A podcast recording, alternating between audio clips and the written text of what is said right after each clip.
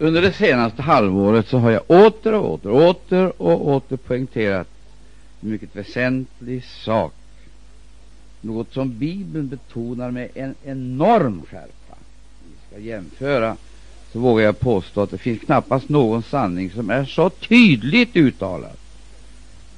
Och det är självklart att där Bibeln lägger tyngdpunkten, där, där är det sannerligen viktigt att vi förstår att den inte ska flyttas hit eller dit.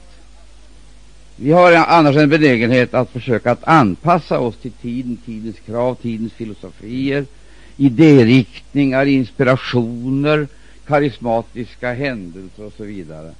Och så blir vi rotlösa, substanslösa, flarn, irrande bloss i tiden. Och det finns enormt många sådana. Ni får be, jag ber om ursäkt för att jag har lite svårt för att tala, men jag ber inte ursäkt för det jag säger. Det får jag inte tro. För det jag säger, det emanerar ur den här boken och det ska prövas. Det ska prövas. Det jag säger är viktigt, väsentligt och dessutom frälsande. Nå, det jag har betonat, fastän det är väldigt svårt i den här tiden då människor har förlorat förmågan att lyssna. De hör ett och annat men lyssnar inte. De, de har saknat förmågan att lyssna. De ska ha bilder, eh, eh flanellografer och lite tjohej till eh, eh, inramat i psykologiska knep och så vidare för att de överhuvudtaget ska ägna sig åt att lyssna. Och då blir det förstrött och Många gånger likgiltigt. Gå in där och ut där. Det är sannerligen inte trons väg. Utan in där och ut där. Det är den moderna människans oförmåga att kunna ta emot. Det står om Maria att hon gömde det i sitt hjärta. Hon tog inte emot det ena örat och skickade ut genom det andra. Ej heller så tog hon emot det och skickade upp det på järnkontoret eller vinstkontoret för att analysera och dissekera. För det här är inte budskap som i första hand riktar sig till vår hjärna. Hjärnan ska vi vara tacksamma för. Men hjärnan kan inte bistå oss i det här sammanhanget. För hjärnans tro den är som ett månlandskap. Ofruktbar, stel, stereotyp. Den är som ett islandskap. Den kan vara upplysande och spännande, men aldrig livgivande. Det är detta som är det oerhörda. När Bibeln talar som den gör, så talar den om hjärtats tro. Genom hjärtats tro. Och den principiella skillnaden på hjärnans tro, den analytiska och vetenskapliga, och hjärtats tro, det är mänsklig förnuft och gudomlig uppenbarelse.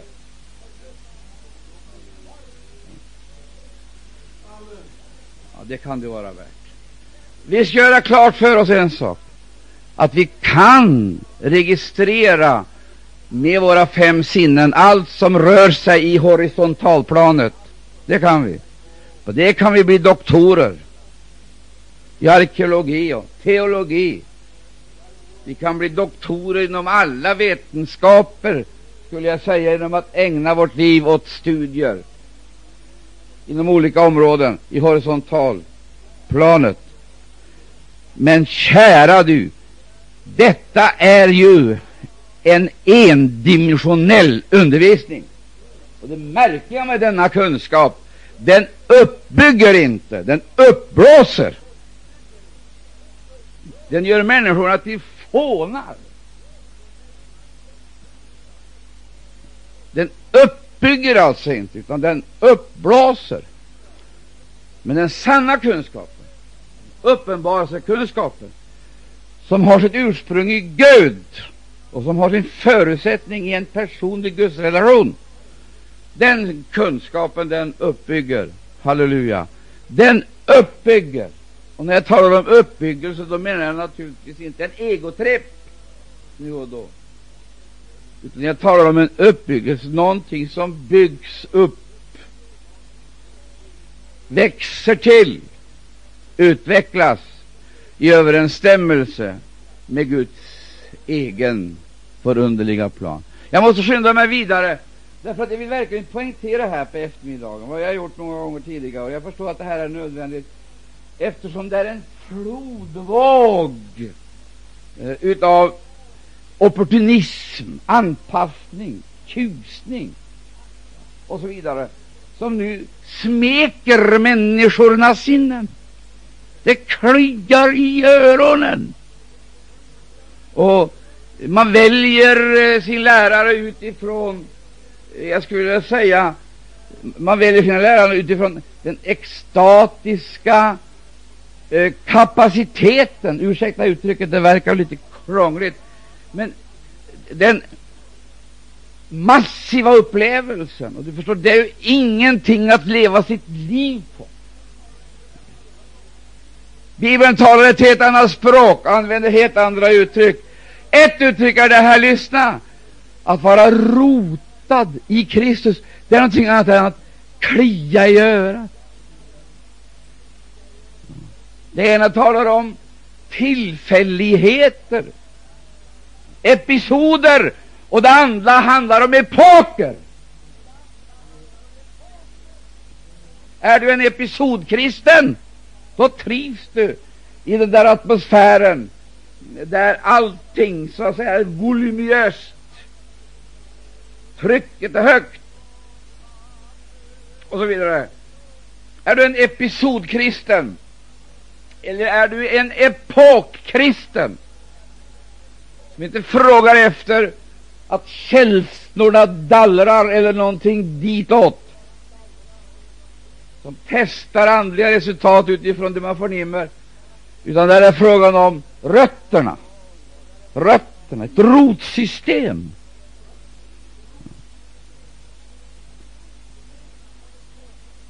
Rotkristna och epokkristna, de torkar inte. Och de flaxar inte hit och dit. De har rötter. Och under torkeperioder så går rötterna så djupt ner att den drar till sig friska flöden från djupen, vilket innebär att man kan näras, utvecklas, bevara sin grönska och vara fruktbärande i alla tider. Tror du det så får du säga amen.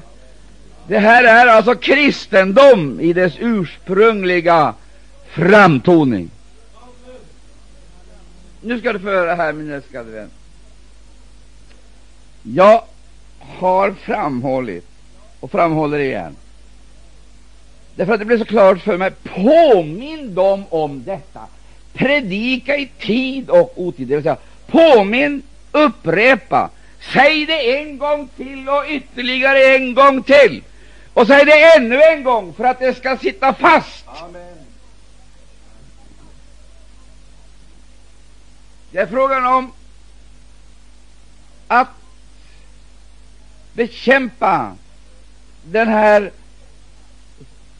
snuttifieringen som vi har lärt oss genom TV, små snuttar av allting, utan att vi får någon kunskap, sann och verklig kunskap.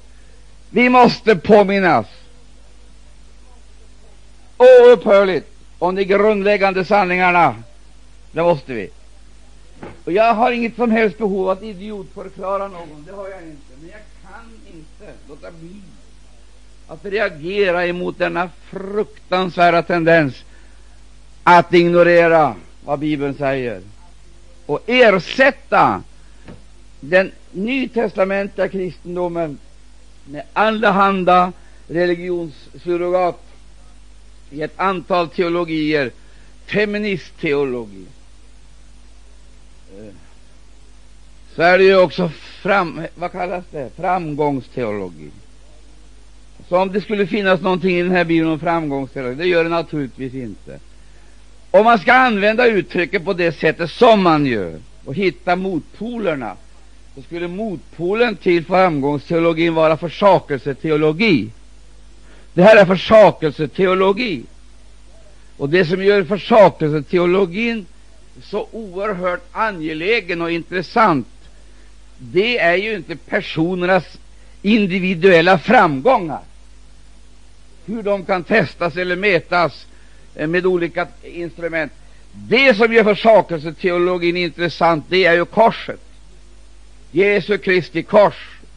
Och det som gör eh, den här försakelseteologin möjlig, det är ju uppståndelsekraften.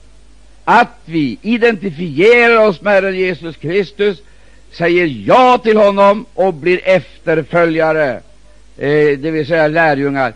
Nu ska vi läsa några få versar som klart öppnar våra ögon, om vi vill få dem öppnade inför detta enkla faktum. Därför att verkligheten är den här. Verkligheten är den här. Verkligheten är den här. Och det gäller undantagslöst alla människor på denna jord. Vi tar det sakta. Vi forcerar inte, men vi tänker efter. Då Bibeln säger alla har syndat, så menar naturligtvis Bibeln att det är frågan om att alla och att det att icke finns någon utanför denna regel. Det finns inget undantag. Sen när han påstår, samma apostel, att han har måste anklaga både judar och hedningar, alltså judar och greker, eh, anklaga dem för att vara under synd. Och när Bibeln då förklarar för oss vad synd är, så förenklar inte Bibeln det dithän som teologerna gör, eller andra kristna gör. Man plockar ihop en syndakatalog, så pekar man ut vissa avarter, avarter.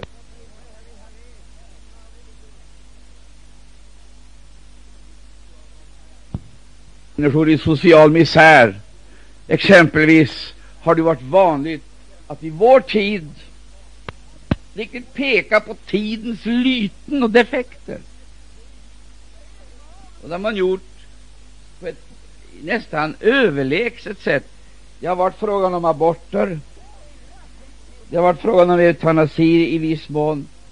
Det har varit frågan om drogmissbruk, alkoholmissbruk, homosexualitet.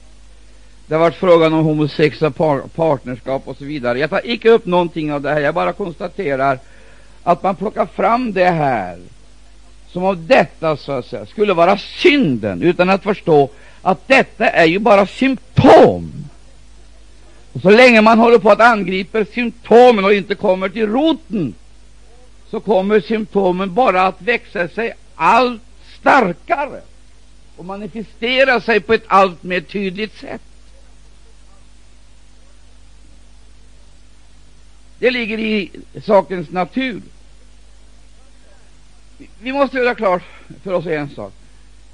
När Jesus undervisar om synd, då redogör han för synden på ett sådant sätt att vi får klart för oss att synden, det är egentligen en organism och har alltså ett organiskt skeende. Eller en natur. Och verkligheten är den att vi är så fåniga i vår inbilskhet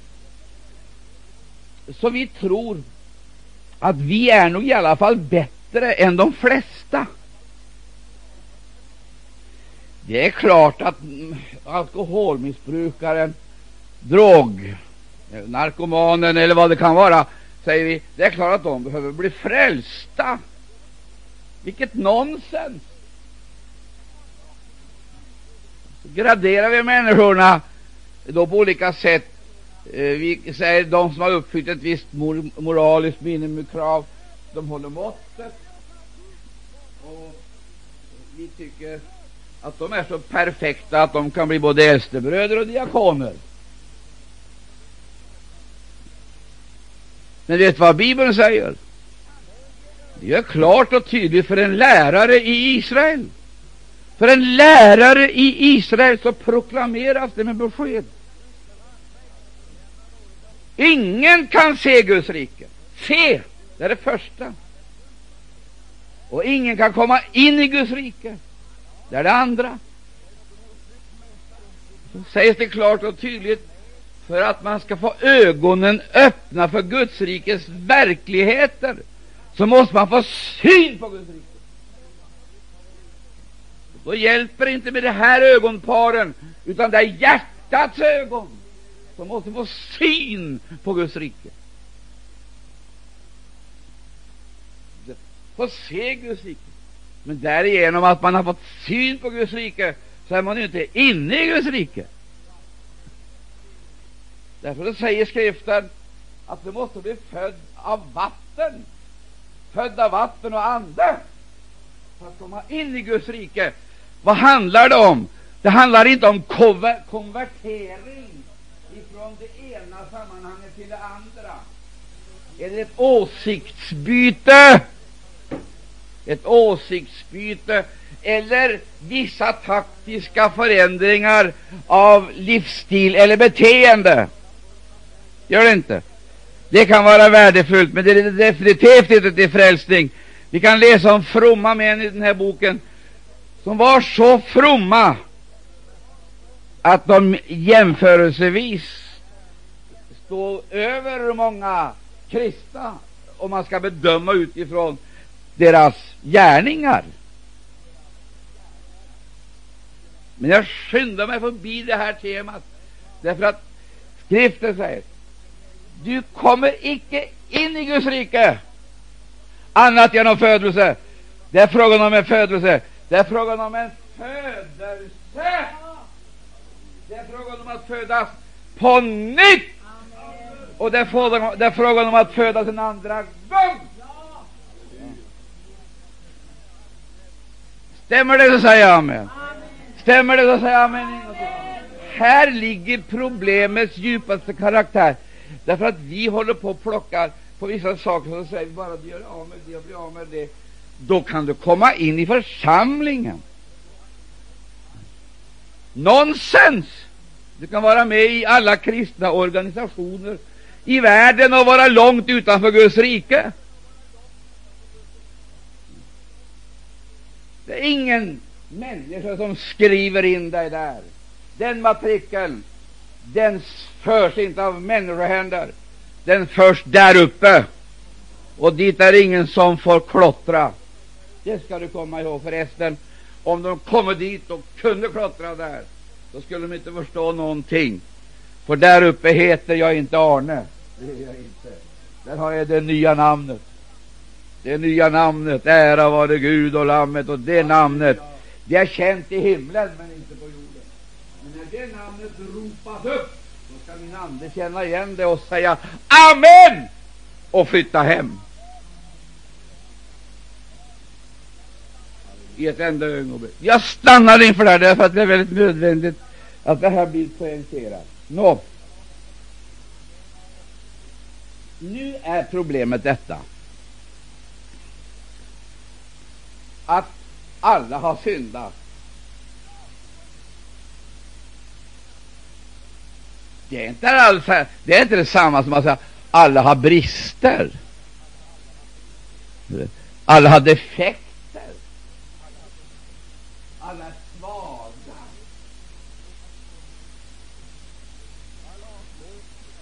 Ja, det kan vi säga till en döende, men inte till en död. Man kan tala om den döendes hälsotillstånd och erbjuda vissa terapier för att rädda den döende. Men när döden har gjort sin entré, där är det stopp med medicineringen. Där är det stopp. Och döden har gjort sin entré för länge sedan. Den gjorde sin entré redan i Edens lustgård. När döden hade gjort sin entré, då drevs de ut därifrån, de som hade fått lustgården till arvedel. Och vid ett keruber med blänkande svärd. när vi säger att dö, världen är döende, så är det en lögn. Världen är stendöd.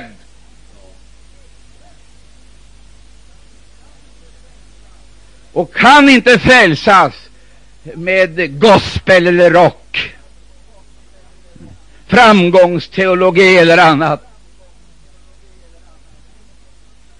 Det måste till ett under.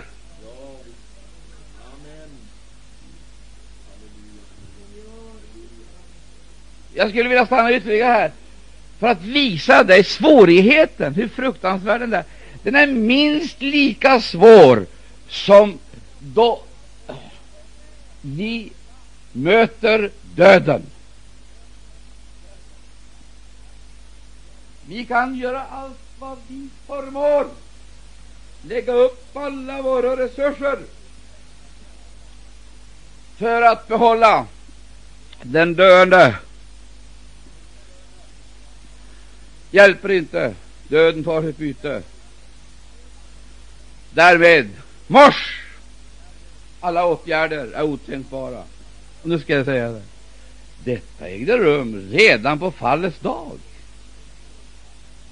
Det var inte så att människorna sjönk djupare eh, eller kom ner på ett lägre plan eller någonting. Hon dog! Och detta var den logiska och konsekventa följden av hennes synd. Och det var sannerligen inga vidrigheter som det handlade om. För hon såg en frukt som hon tyckte var bättre och som hon informerade som att den skulle leda till ett mycket större resultat och bättre resultat. Satan överbjöd Gud, och Gud och, och människan fick för sig att hon på ett snabbare sätt skulle komma fram till den livs, gudslikhet som hon riktigt ordentligt trånade efter. Det vill säga, Satan ingöt i människans föreställningsvärld att om hon lydde honom då skulle resultaten komma snabbare, de skulle växa fortare och bli något mera. Det var inga perversioner. Inga perversioner. Vad var det? Det var ett lydnadsproblem. Det var lydnaden det var frågan om. Och jag skulle vilja säga det var faktiskt inte lusten, även om det kunde se så ut, det var ett bättre äpple. Nej, det var frågan om lydnaden. Hon ville nå fram till ett gudomligt resultat med Satans hjälp.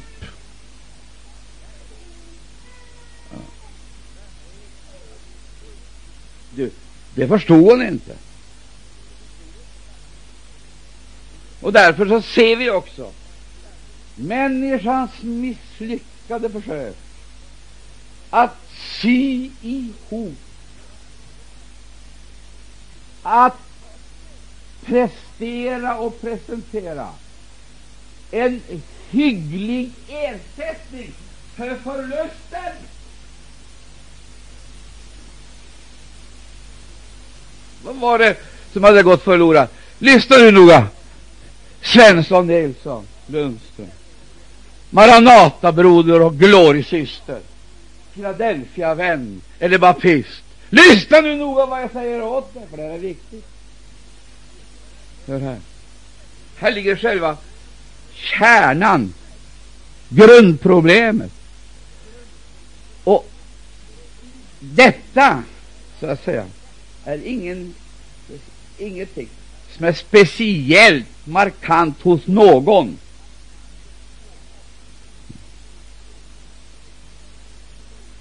Om jag tar en bild, en gris är en gris och får bli en gris om du tvättar den eller inte.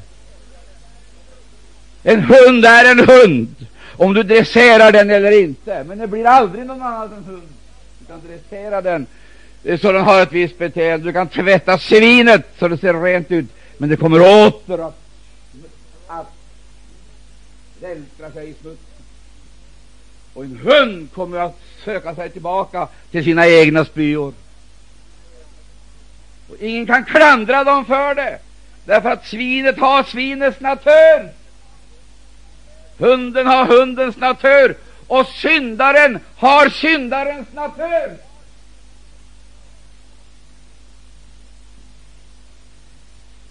Vi gör inte det onda och blir syndare. Vi gör det onda därför att vi är syndare.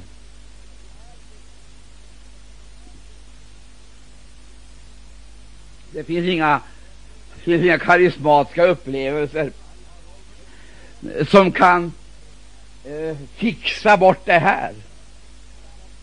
Hjälper inte med någon själv eller massuggestion, handklappning eller tungotal. Det måste till någonting annat, ett gudomligt under, och det gudomliga under är en ny födelse. Du vet att en födelse föregås utav konception, graviditet, förlossning. Hela den här processen måste vi vara med om, om vi överhuvudtaget ska komma in i Guds rike. Om vi inte blir om vi inte blir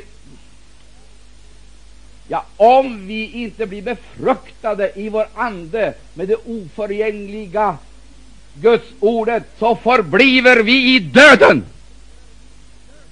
Men vi är födda på nytt genom Guds eviga ord som förbliver. Tror du det, så säger jag amen. Här har du hemligheten! Guds ordet. Det är inte övertalning eller överbevisning. Det är inte psykologi eller psykoterapi. Det är, det är frälsning som ett resultat av personlig omvändelse.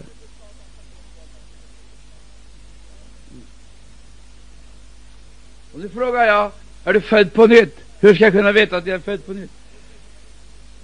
Tänk efter. Du får en minut på dig medan vi tackar Jesus tillsammans. Så ska jag ta några minuter till och redogöra för vad frälsning är för någonting, och du ska få blicka in i ett sammanhang som är fullständigt omöjligt att beskriva.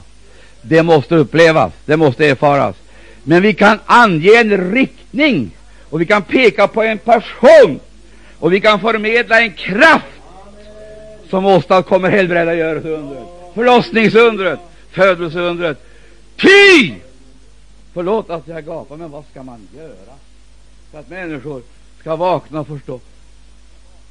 Om du inte blir född på nytt, så förblir du i mörkret. Spelar ingen roll om du är diakon eller religiös artist som åker omkring och sjunger andliga sånger och tjänar bra på det. Eller om du ägnar dig åt filantropi och social verksamhet, har ingen betydelse. Fortsätt, fortsätt. Det leder aldrig fram till någon frälsning. Ska du in i det nya riket, ska du nå den nya staden, då heter startpunkten fortfarande Golgata. Det är samlingsplatsen.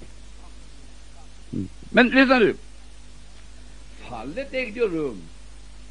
Därmed så hade alltså våra första föräldrar placerat sig utanför. Utanför. Man skulle kunna säga utanför gemenskapen med Gud. Helt plötsligt, lyssna på vad jag säger, så var de instängda. De var fångade. Fångade i fruktan, vilket är typiskt, och instängda i tidens fängelse. De kunde inte ta sig ur detta fängelse.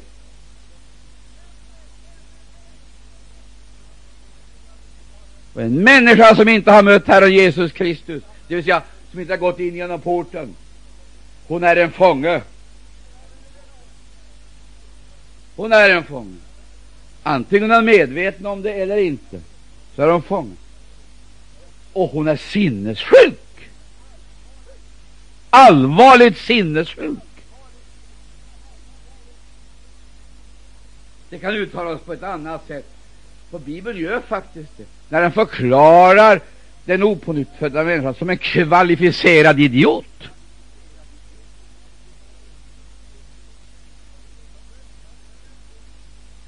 Du, lyssna på de här orden som är uttalade om denne världens vise och denne världens mäktige. Vad sägs det om dem? Denne världens vise och denne världens bildade, högtstående, makthavare. De kunde inte i sin kunskap förstå eller lära känna Gud.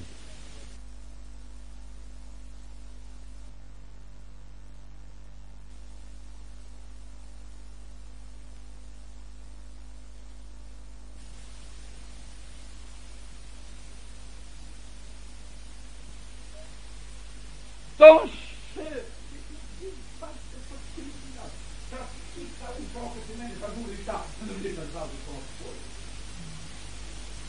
De tog teologin till hjälp. De tog filosofin till hjälp. De tog naturvetenskapen till hjälp.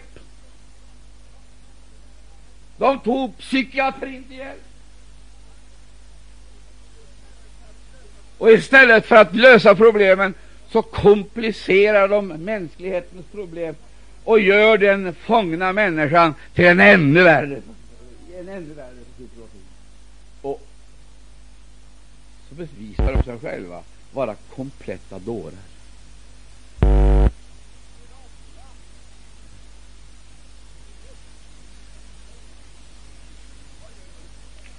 Vad gör Gud? Han omyndig förklarar denna världens vise. Var är denna världens vise? Var är de mäktiga? Var är de? Ställ upp, visa, låt dem predika, låt dem förkunna, låt dem praktisera. Visa ett enda exempel på pånyttfödelse.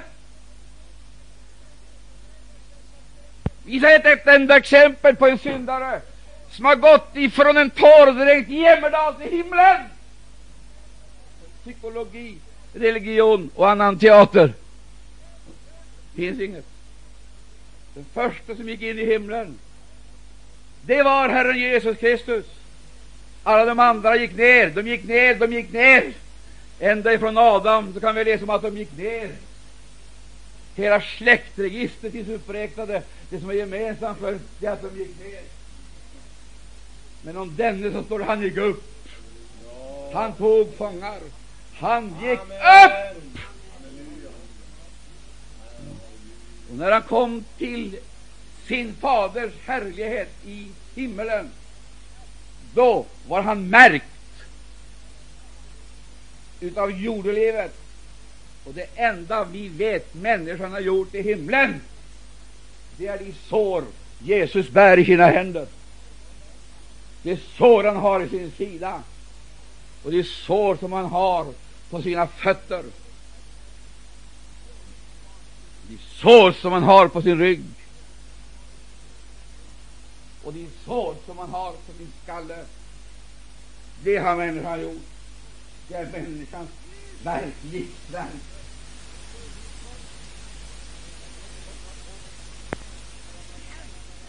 Så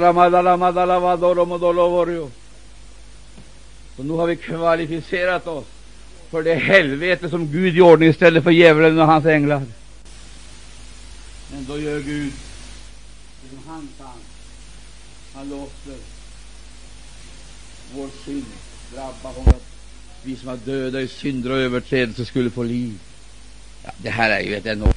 Tiden går. Jag ska inte hålla på för länge till. Men jag måste säga detta. Hela världen är ju under, under fortsätter ändlighet. Jesus naglas till korset.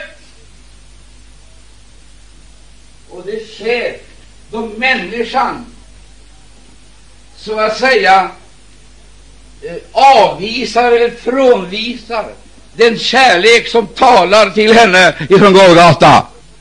Då korsfäster hon på nytt åt sig Herren Jesus Kristus. Är du glad för att du är frälst? Och varje gång du förföljer en som tror på Jesus Kristus.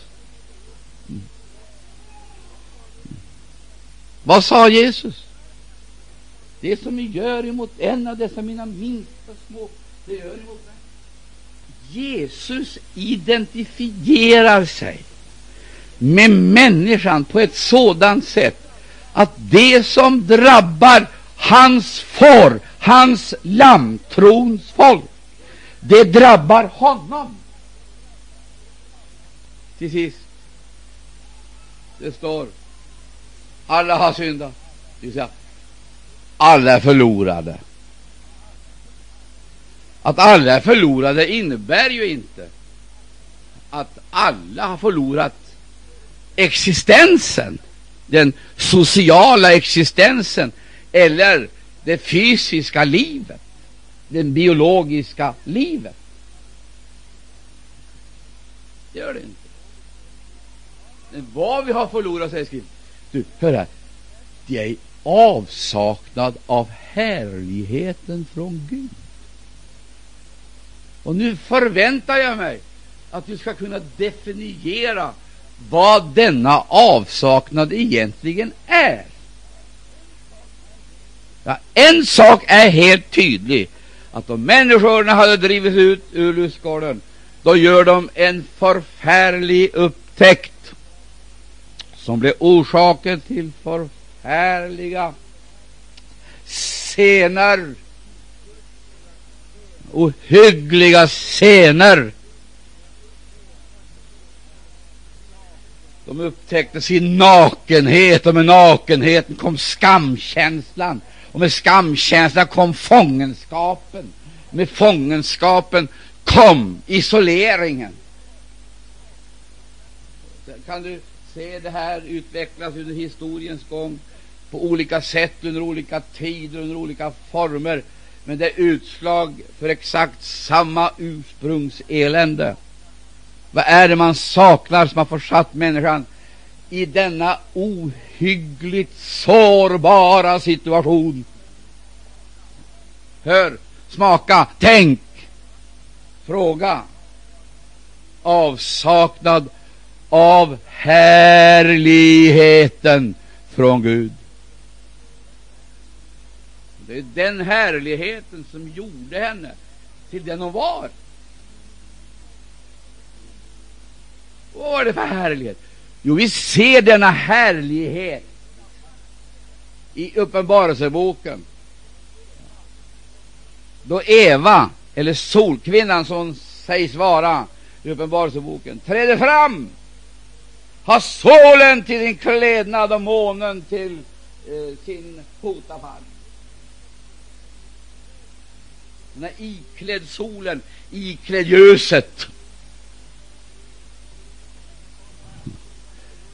Vad var det som gick förlorat? Det var ljusdräkten. Och utan den ljusdräkten så kommer ingen in i himlen. Vi måste bli iklädda den helighet som inte är av människan eller en konstruktion eller uppfinning utav hennes religiösa ambitioner, utan en gåva av Gud. Salig är och det, halleluja, halleluja, halleluja, som har fått rätt att gå in i staden och få, gå in genom stadens portar och att äta av livets träd. Där har vi den totala upprättelsen. Därför vill jag poängtera Gud har bestämt ett möte med människan i tiden, på tidens strand, för att hon inte ska gå förlorad. Därför säger jag, alla är förlorade, men ingen har gått förlorad.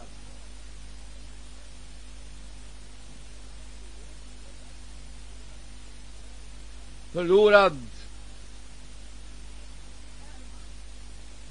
det är man för evigt som han har varit vid vita tronen. och där domen har fallit och förevigats.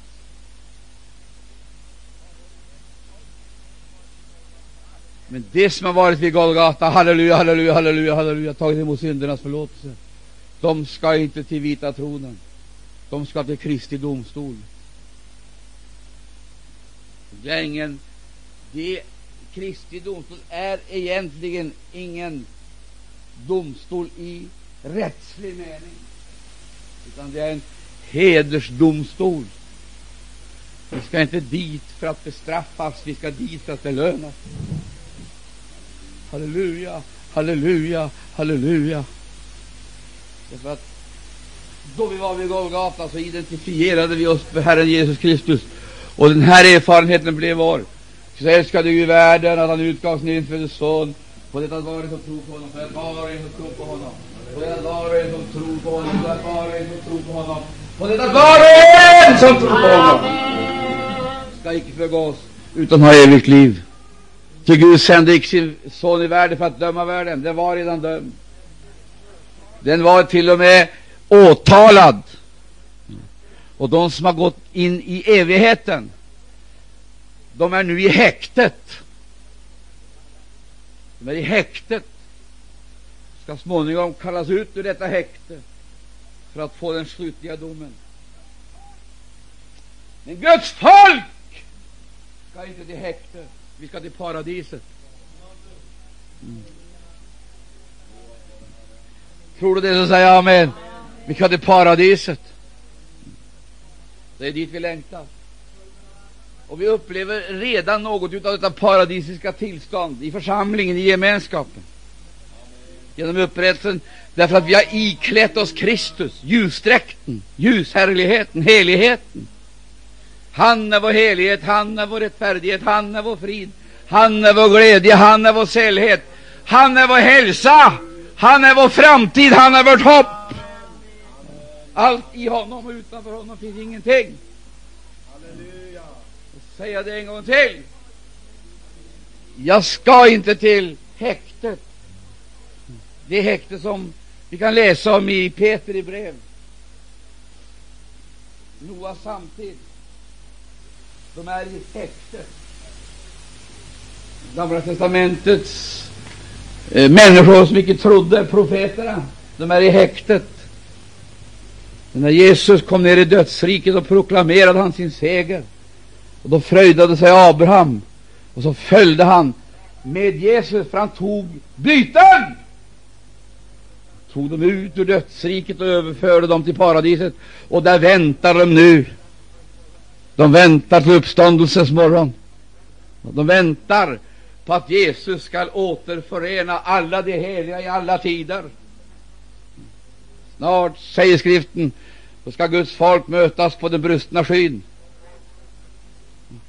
Och halleluja, halleluja, frälsta och befriade ifrån förgängelsen, fördömelsen och allt detta som hör världen till.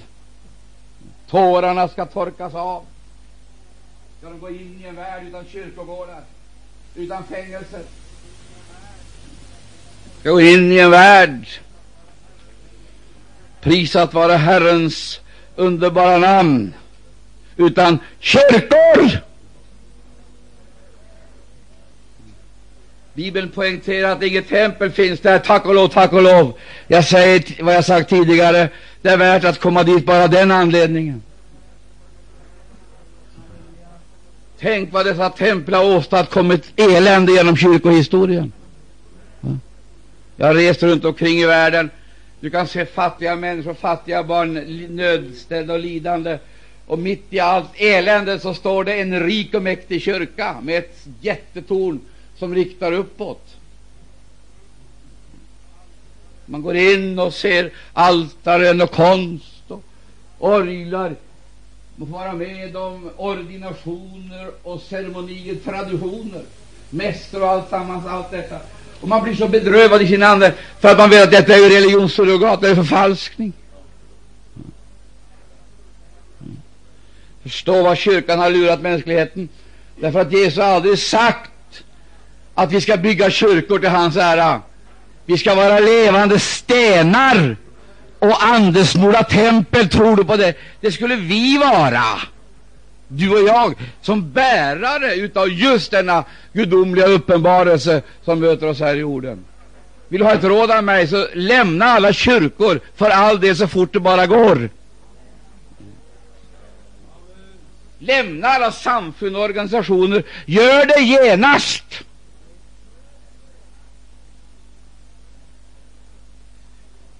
Någon tänker högt. Ska vi gå till Maranata? Strunt! Du ska gå till honom utanför lägret och bära hans smälek. Det är kallelsen. Och då du går ut till honom, inte till gruppen eller samfundet, men går ut till honom, inte för att njuta, men för att bära hans smälek och bli en korsbärare i hans efterföljd, då möter du hans riktiga vänner.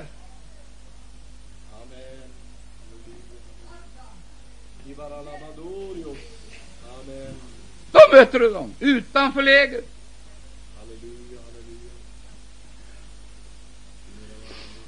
Det finns en oerhörd rikedom i det här. Därför att det kan, vara så, det kan verka så väldigt motsägelsefullt. Jag talar om härlighet och så plötsligt kommer jag över till smälek. Det beror på en mycket väsentlig orsak, ett missförstånd hos oss.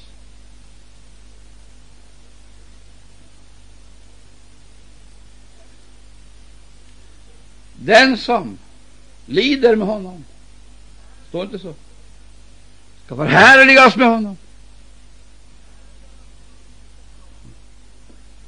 Står det så här också, att Mose, då han gjorde sitt livsval, så upptäckte han att det Kristi, vadå?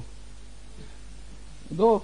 Kristi lidanden representerade en större härlighet än hela Egypten.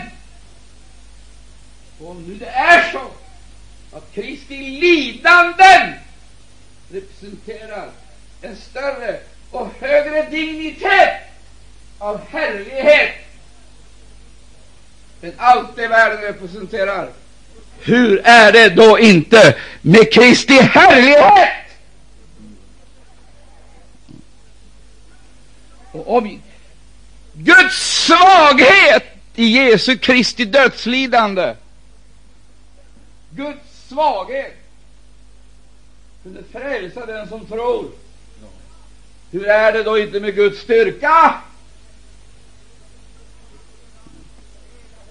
Där har du hela, hela, hela hemligheten.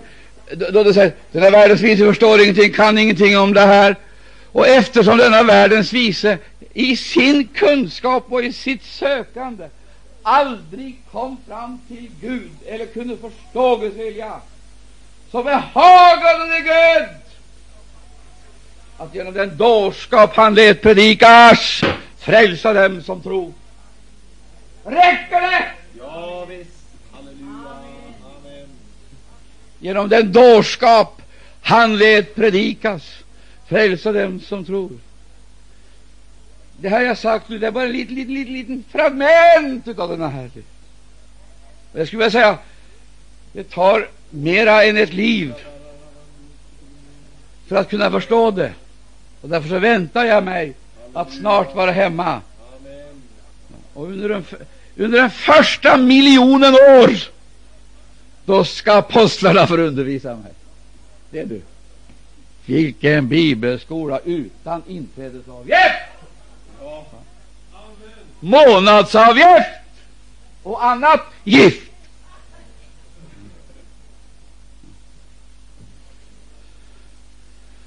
Tänk att få komma in, sätta sig ner och fråga.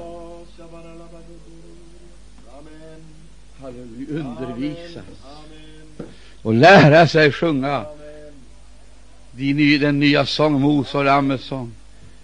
Allt det här förfärligt musicerande och allt sångskrammel i tiden, det, det är enerverande. Även om de säger Jesus 150 gånger på fyra toner och tre takter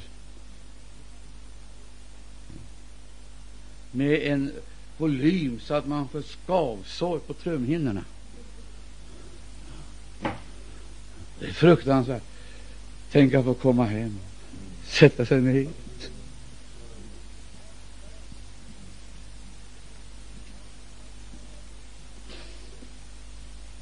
Halleluja Jesus, vi tackar dig. Tänk att få vara med om den generalrepetition som snart ska äga rum på skyarna. Då de heliga ska samlas och de ska sjunga på ett helt nytt sätt. En sång som ingen kan lära sig sjunga. Den måste födas fram.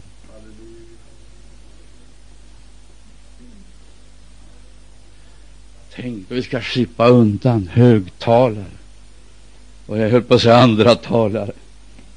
Ja. Ja. Undervisas. Obeskrivligt. Ska vi sjunga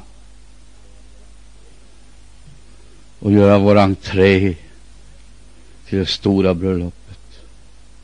Anförd av Lammet. Inspirerad av Anden. Ledda av Fadern till livets vattenkälla. Jag frågar, har du tänkt dig dit? Börja den nya sången. Ge det nya offret, vilket är en frukt ifrån läppar som lovar hans namn.